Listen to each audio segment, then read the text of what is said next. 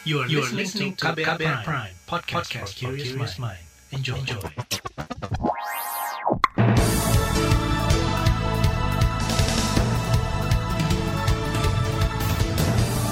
Selamat pagi saudara, senang sekali kami bisa menjumpai Anda kembali melalui program Buletin Pagi.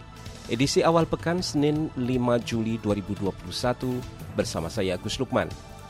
Sejumlah informasi pilihan telah kami siapkan di antaranya obat terapi COVID-19 mulai langka dan mahal. WNA masuk Indonesia wajib punya kartu vaksin dan hasil negatif PCR. KNKT menyelidiki penyebab tenggelamnya KMP Yanise. Inilah Buletin Pagi selengkapnya. Terbaru di Buletin Pagi. Sejumlah obat-obatan untuk terapi COVID-19 mulai sulit ditemukan di pasaran. Sejumlah warga dan keluarga pasien COVID-19 mengaku sulit mendapatkan obat untuk pasien terkonfirmasi positif COVID-19 yang sedang melakukan isolasi mandiri.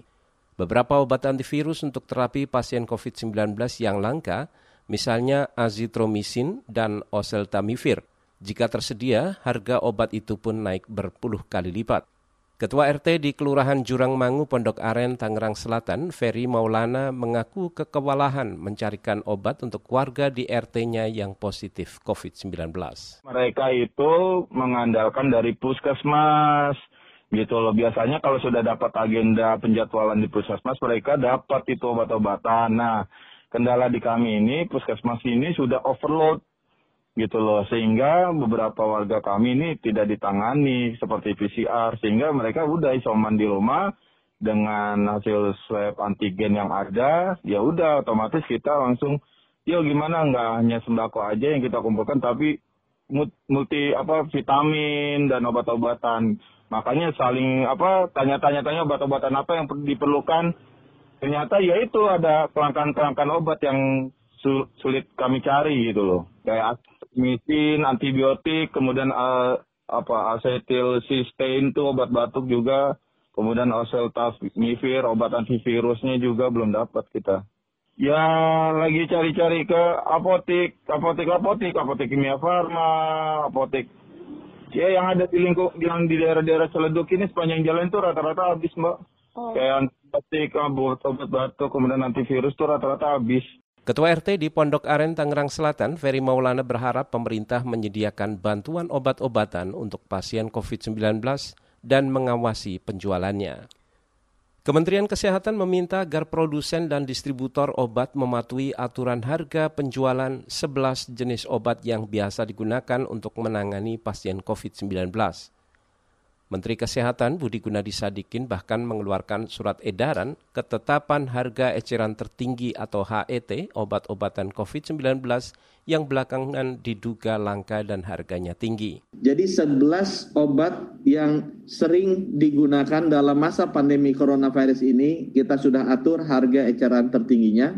Negara hadir untuk rakyat dan saya tegaskan di sini seperti arahan Pak Menko, saya ulangi lagi, saya sangat tegaskan di sini, kami harapkan agar dipatuhi. Menteri Kesehatan Budi Gunadi Sadikin mengatakan aturan HET merupakan harga jual tertinggi obat di apotik, isolasi farmasi, rumah sakit, klinik, dan fasilitas kesehatan yang berlaku di seluruh wilayah Indonesia.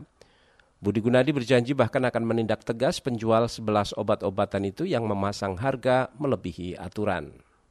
Ancaman senada juga disampaikan Koordinator Penerapan Pembatasan Kegiatan Masyarakat atau PPKM Darurat Jawa Bali, Luhut Binsar Panjaitan. Luhut yang juga Menteri Koordinator Maritim dan Investasi memerintahkan polisi menindak orang-orang yang berupaya menaikkan harga obat-obatan maupun peralatan kesehatan di masa pandemi COVID-19.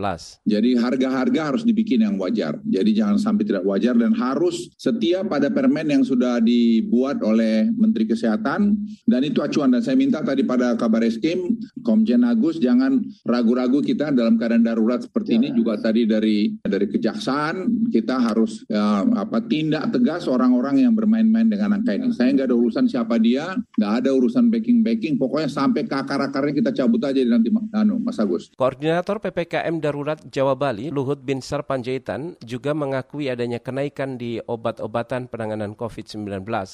Salah satunya ivermectin yang saat ini harganya mencapai puluhan ribu rupiah per butir.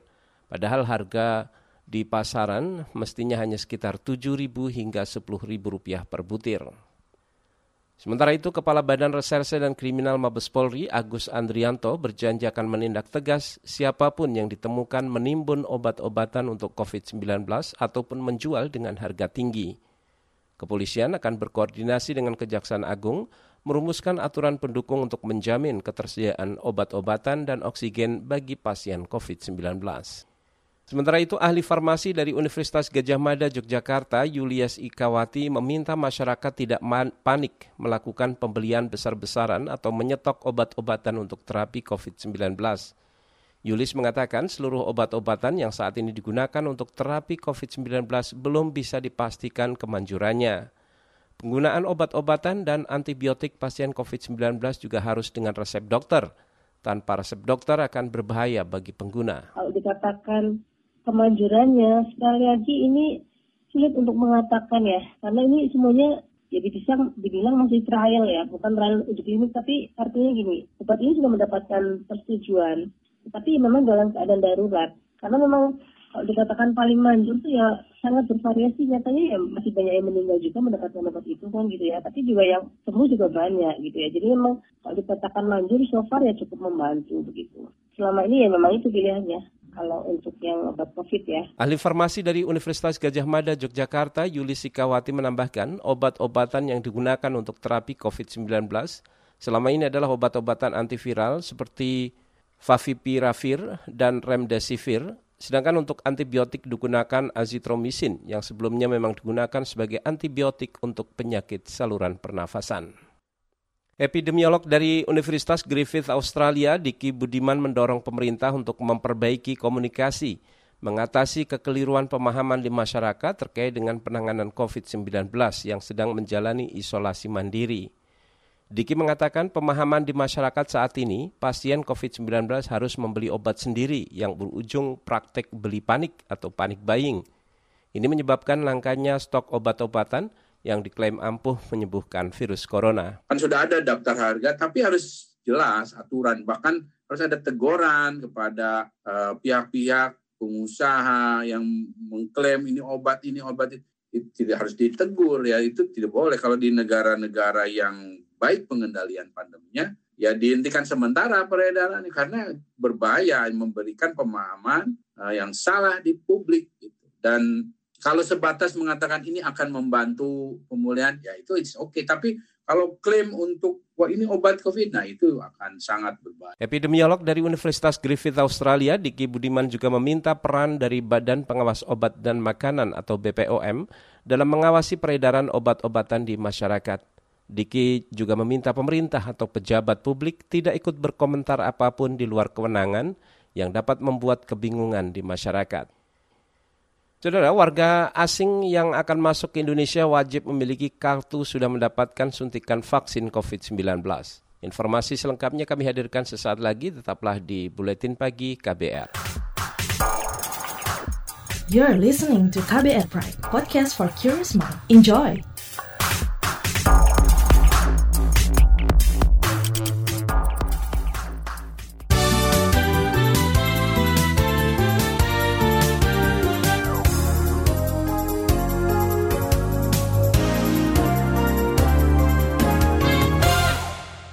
Anda sedang mendengarkan Buletin Pagi KBR.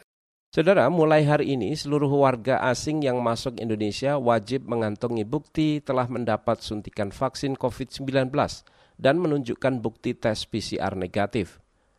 Juru bicara Kementerian Koordinator Maritim dan Investasi Jody Mahardi mengatakan, Aturan ini berlaku selama pemberlakuan PPKM darurat mulai 3 Juli hingga 20 Juli mendatang. Seluruh warga negara asing yang masuk ke Indonesia wajib menunjukkan kartu vaksin dan hasil PCR negatif COVID-19 saat tiba di gerbang kedatangan internasional mulai Selasa 6 Juli 2021, petunjuk pelaksanaan dari peraturan ini segera akan diatur oleh surat edaran Satgas penanganan COVID-19. Dan bagi WNA maupun WNI yang baru datang di Indonesia, wajib menjalani karantina selama 8 hari dengan dua kali tes PCR. Juru bicara Kementerian Koordinator Maritim dan Investasi Jody Mahardi menyebutkan aturan ketat juga diberlakukan bagi warga Indonesia yang akan kembali ke tanah air.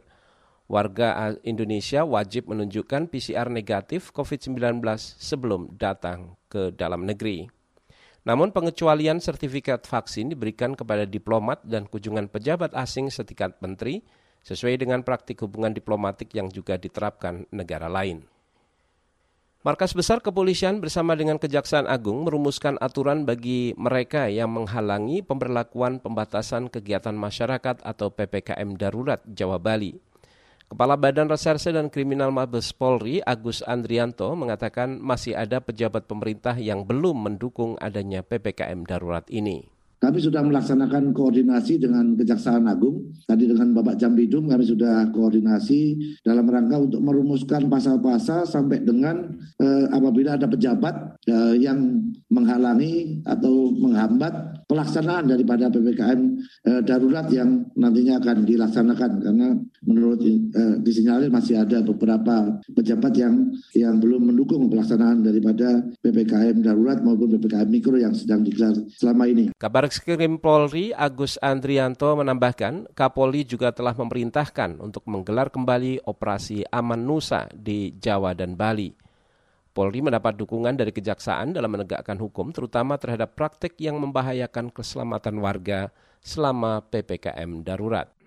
Ekonom senior Faisal Basri menyarankan pemerintah untuk memberikan bantuan sosial berupa uang tunai kepada keluarga tidak mampu pada saat pemberlakuan PPKM darurat di Jawa dan Bali. Tujuannya, bantuan sosial tunai penting untuk menutup celah korupsi bansos yang kerap terjadi di lapangan. Faisal Basri mengatakan bansos tunai dapat dimanfaatkan masyarakat untuk belanja sesuai kebutuhan keluarga. Kalau dikasih uang itu utuh karena masuk ke rekening. Ya, kalau tidak masuk ke rekening bisa diambil di kantor pos utuh, tidak ada yang memotong. Nah, kalau sembako, ada panitia pengadaan sembako. Kemudian beli goodie bag-nya. Goodie bag-nya dikorupsi lagi kan. Harus pakai tax yang gitu-gitu kan. Ekonom senior Faisal Basri menyarankan nilai pemberian bansos sembako diperkirakan susut hingga 30 persen akibat adanya biaya angkut, pengadaan tas belanja, dan lain-lain. Faisal juga mengingatkan potensi korupsi di bansos sembako jika pengawasannya lemah. Tahun ini pemerintah memutuskan untuk melanjutkan tiga program yaitu bantuan sosial sebagai bentuk perlindungan kepada masyarakat yang terkena dampak pandemi COVID-19. Di antaranya program Keluarga Harapan, Kartu Sembako, dan Bansos Tunai. Beralih ke informasi lain, Wakil Presiden Ma'ruf Amin menilai literasi ekonomi dan keuangan syariah di masyarakat saat ini masih rendah. Ia pun meminta media turut mendukung peningkatan literasi masyarakat terhadap ekonomi dan keuangan syariah di Indonesia. Berdasarkan survei Bank Indonesia tahun 2020, literasi ekonomi dan keuangan syariah masyarakat Indonesia masih rendah, yaitu sebesar 16,2 persen, sehingga masih banyak ruang untuk meningkatkan pemahaman masyarakat terhadap ekonomi dan keuangan syariah. Sementara untuk sektor keuangan syariah lebih rendah lagi. Berdasarkan data survei Otoritas Jasa Keuangan, OJK tahun 2019, Indeks Literasi Keuangan Syariah, masyarakat Indonesia baru sebesar 8,93 persen. Wakil Presiden Maruf Amin mengajak media, baik cetak maupun elektronik dan juga digital untuk menyediakan ruang khusus bagi pemberitaan, edukasi, dan juga rubrik ekonomi dan keuangan syariah, serta ekonomi usaha mikro kecil menengah. Menurut Maruf Amin, banyaknya konten variatif dan inovatif yang membahas ekonomi dan keuangan syariah akan menarik minat masyarakat dalam memahami ekonomi dan keuangan syariah di Indonesia. Kita ke informasi mancanegara, saudara sekitar 17 orang tewas dalam kecelakaan pesawat Hercules C-130 milik militer Filipina di Pulau Jolo, Provinsi Sulu, selatan Filipina kemarin. Dikutip dari AFP, pesawat itu mengangkut 92 penumpang yang sebagian besar penumpang merupakan personel militer Filipina yang baru lulus pelatihan dasar angkatan bersenjata. Insiden terjadi sekitar pukul 11.30 waktu setempat, di mana pesawat dikabarkan jatuh saat hendak mendarat. Sebelumnya, sebuah helikopter Hawk milik militer Filipina juga jatuh saat latihan hingga menewaskan enam penumpangnya pada Juni lalu. Kita ke informasi olahraga, saudara. Babak semifinal Copa America 2021 akan dihelat besok pagi waktu Indonesia. Di laga semifinal nanti, Brasil akan berhadapan dengan Peru di Stadion Olimpico Nilton Santos di Rio de Janeiro. Pada pertandingan selanjutnya, Argentina bakal bertemu Kolombia di Stadion Nasional Mane Garrincha di Brasilia pada Rabu pagi waktu Indonesia. Sedangkan laga final Copa America 2021 akan digelar minggu depan pukul 7 pagi waktu Indonesia. Saudara, sesaat lagi kami hadirkan laporan khas KBR kali ini mengenai kisah pasien COVID-19 saat dirawat di Wisma Atlet Jakarta. Tetaplah di Buletin Pagi KBR. You're listening to KBR Pride, podcast for curious mind. Enjoy!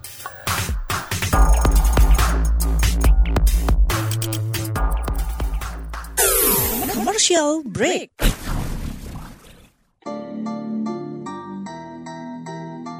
Come on yo, buat yang sukanya berhoax, you better listen to this one. Check this one out yo. Hati-hati kalau baca kabar Hoax, Jangan langsung disebar kabar yang hoax, Kalau mau tahu kabar benar atau hoax, Dengerin cek fakta yang pasti bukan hoax, Dengerinnya setiap Senin yang jelas bukan hoax. Cuma ada di kbrprime.id. Dan aplikasi podcast lainnya hoax, Sudah cukup-cukup hoaxnya? hoax. Cukup Jaga emosi, tahan jari, verifikasi sebelum dibagi. Saya Ari Bowo Sasmito, Ketua Komite Pemeriksa Fakta Mafindo. KBR Prime, podcast for curious mind.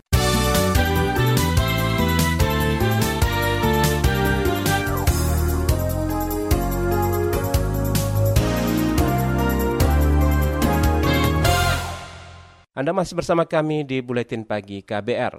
Ledakan kasus baru COVID-19 tidak terbendung seiring dengan mengganasnya penularan varian Delta. Fasilitas kesehatan mulai limbung karena membludaknya pasien, termasuk di Rumah Sakit Darurat Wisma Atlet Kemayoran, Jakarta. Seorang jurnalis di Jakarta bersama keluarganya menjadi pasien di sana dan ia bercerita kepada tim KBR mengenai pengalamannya selama dirawat. Berikut kisahnya yang disampaikan Astri Yuwanasari. Aku juga.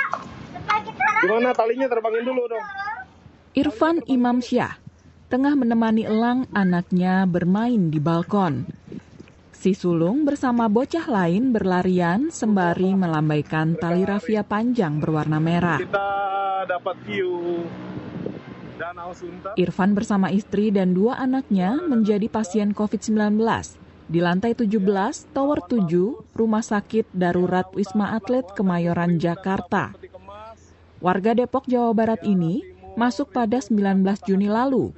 Selang dua hari, istri dan kedua anaknya menyusul.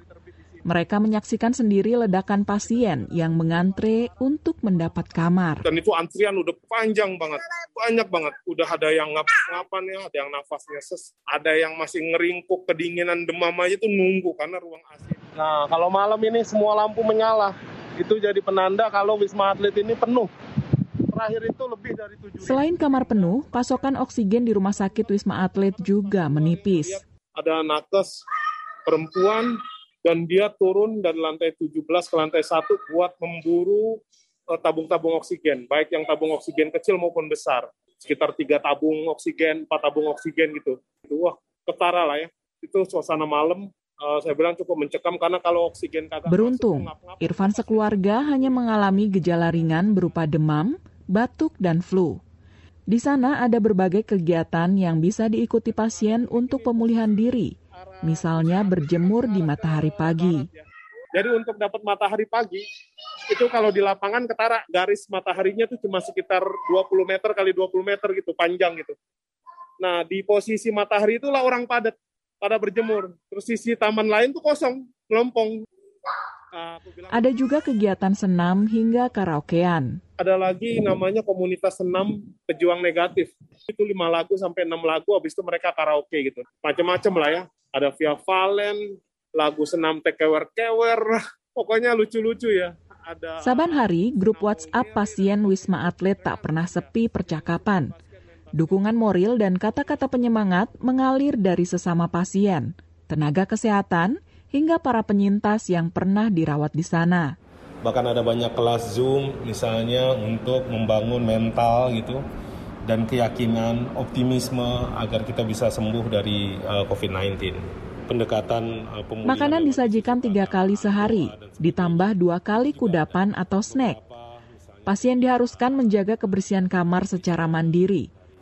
Semua sampah di sini masuk kategori limbah medis karena memang dikonsumsi dipegang oleh mereka yang positif COVID-19.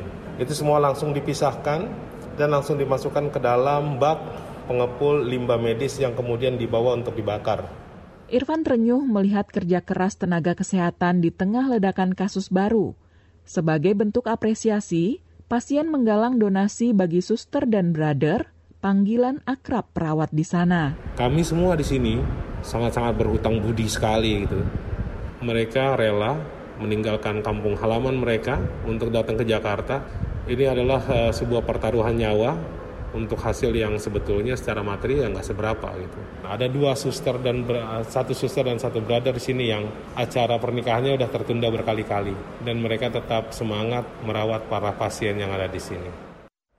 Hari ini hasil swab PCR keluar dan hasilnya dinyatakan negatif. Jadi Pada 3 Juli 2021, Irfan sudah dinyatakan negatif COVID-19, sedangkan istri dan kedua anaknya masih positif tetapi dengan kadar city value di atas 35. Artinya, virus sudah lemah dan tidak infeksius. Mereka diperbolehkan pulang, tetapi wajib isolasi mandiri sampai tujuh hari.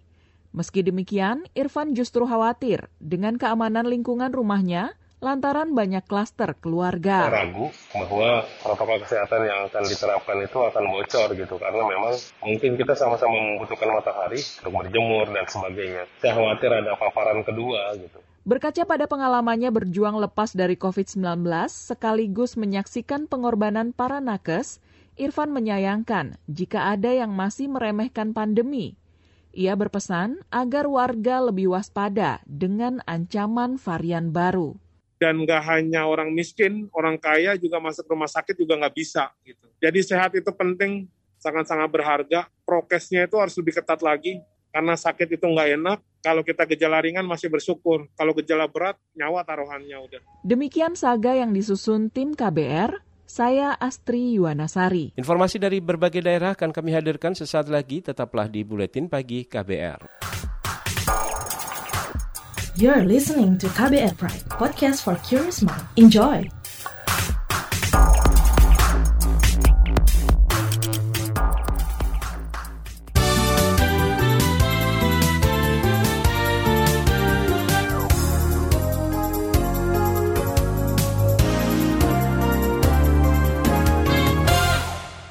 Inilah bagian akhir buletin pagi KBR. Komite Nasional Keselamatan Transportasi mulai meminta keterangan 10 saksi terkait peristiwa tenggelamnya kapal motor penumpang KMP Yunise di Selat Bali pada pekan lalu. 10 saksi yang diperiksa adalah anak buah kapal dan penumpang kapal. Ketua KNKT Suryanto Cahyono mengatakan KNKT juga memeriksa kamera pengawas CCTV di dermaga pelabuhan untuk mengetahui kondisi cuaca saat peristiwa terjadi termasuk temuan adanya penumpang kapal yang tidak memakai jaket penyelamat. Paling gampang ya, kan penumpang ada yang yang nggak pakai jaket, contohnya. Kenapa itu terjadi? Eh, kita akan teliti ke belakangnya. Jadi bagaimana pelatihannya? Apakah tempat jaketnya gampang dijangkau? Dan apakah kalau jumlah jaketnya rata-rata di kapal itu lebih lah, karena dicek sama teman-teman apa pengawas. Cuman tempatnya apakah ketika sebelum berlayar diberitahu terus sehingga penumpang ngambil nggak berebutan. Ketua KNKT Suryanto Cahyono menduga ada faktor kesalahan manusia di peristiwa tenggelamnya KMP Yunise ini. Hingga kemarin tim SAR gabungan kembali menemukan dua korban tenggelamnya KMP Yunise sehingga total korban meninggal yang ditemukan mencapai sembilan orang. Beralih ke informasi lain, Saudara LSM Public Virtual Research Institute menilai selama 20 tahun terakhir otonomi khusus di Papua tidak diimplementasikan atau di, tidak diterapkan sesuai dengan semangat awal pembuatan undang-undang. Deputi Direktur Public Virtual Research Institute Anita Wahid menilai pemerintah selama ini memperlakukan status otonomi khusus Papua sebatas penyaluran dana pembangunan dan pembangunan saja. Sementara ada faktor lain yang diabaikan – seperti perlindungan politik, ekonomi, hak adat, dan juga penghormatan warga asli Papua. Yang sangat tidak disentuh di dalam implementasi dari OTSUS ini adalah penghormatan, dignity, martabatnya orang Papua. Sejarah orang, orang Papua itu penuh luka, karena merasa ada perampasan terhadap marga. Dan itu yang sebenarnya dikembalikan oleh Gus Dur gitu kepada kepada orang-orang Papua. Tetapi kemudian implementasinya setelah Gus Dur lengser hampir tidak ada. Yang ada adalah masa, malah justru mereduksi penghormatan itu. Deputi Direktur Public Virtu Research Institute Anita Wahid mencontohkan masyarakat Papua kerap tidak dilibatkan dalam pengelolaan kekayaan alam serta pengambilan kebijakan dan juga pelaksanaannya. Anita mengatakan tanpa adanya penerapan keadilan menyeluruh di tanah Papua, maka perdamaian di sana hanya ilusi. Kita ke Aceh, saudara, seorang warga di Kabupaten Aceh Tengah tewas di amok gajah liar saat menggiring satwa liar itu dari permukiman setempat. Kepala Seksi Konservasi Wilayah BKSDA Loksemawe Kamaruzamen mengatakan korban menderita patah kaki dan tulang punggung dan sempat menjalani perawatan medis di RSUD Datu Beru Takengon. Itu Pak Rahman itu melakukan penggiringan dengan kelompok anggota BPBD menurut informasi. Menurut informasi yang saya terima saat ini Bang ya. Bagaimana kronologis dia diseruduk, kita belum tahu pasti. Saya masih menunggu ke sana, mudah perintahkan kawan-kawan untuk cari tahu kronologis kejadian itu bagaimana. Kepala Seksi Konservasi Wilayah 1 BKSDA Lok Semawe, Kamaruzaman menambahkan, Konflik satwa liar di pedalaman Gayo sering terjadi beberapa hari terakhir. Kawanan gajah liar yang terusik habitatnya memasuki perkampungan penduduk dan merusak perkebunan warga. Informasi tadi menutup jumpa kita di Buletin Pagi hari ini. Pantau juga informasi terbaru melalui kabar baru, situs kbr.id, Twitter kami di akun @beritaKBR, serta podcast di alamat kbrprime.id. Akhirnya saya Agus Lukman bersama tim yang bertugas kami undur diri. Salam.